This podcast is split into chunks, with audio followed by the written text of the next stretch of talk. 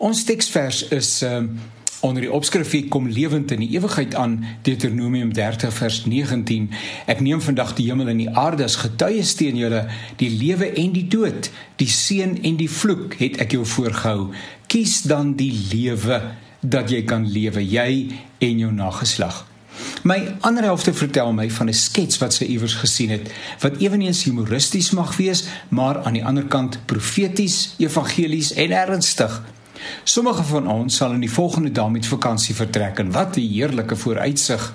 Mag elke oomblik genotvol wees en mag jy heerlik uitrus. Jaarliks word groot moeite gedoen om motoriste veral bewus te maak van die groot verantwoordelikheid om 'n motor te bestuur. Dit is hartseer dat soveel mense gedurende vakansietye hulle lewens verloor. Altyd dikwels word noodlottige en ander ongelukke aan onverantwoordelike optrede waaronder die misbruik van alkohol toegeskryf. Dit is inderdaad nie net die lewe van die persoon wat hom daaraan skuldig gemaak het wat bedreig word nie, maar ook die van onskuldige reisigers in die ander motor of motors.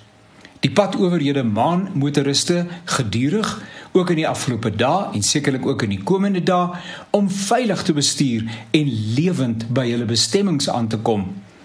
En so gebeur dit dat 'n begrafnismotor, ek hou nie van die woord nie, lyk swaar, eweneens 'n arrive alive plakker. Dis mos nou die plakker wat hierdie inisiatief begelei. Arrive alive. So 'n plakker agter op sy venster aangebring het. Dis nou die motor wat nou die oorledende na die begrafplaas vervoer, nê?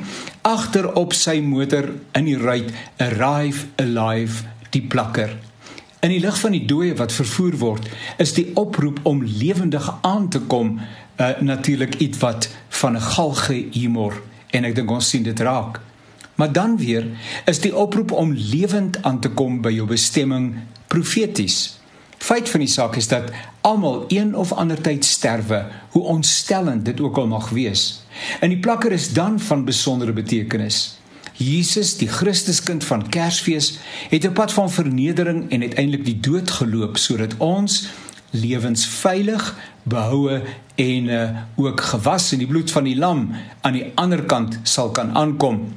Mense kan geen dag waag sonder hierdie versekering nie. Ek weet verseker dat Jesus leef.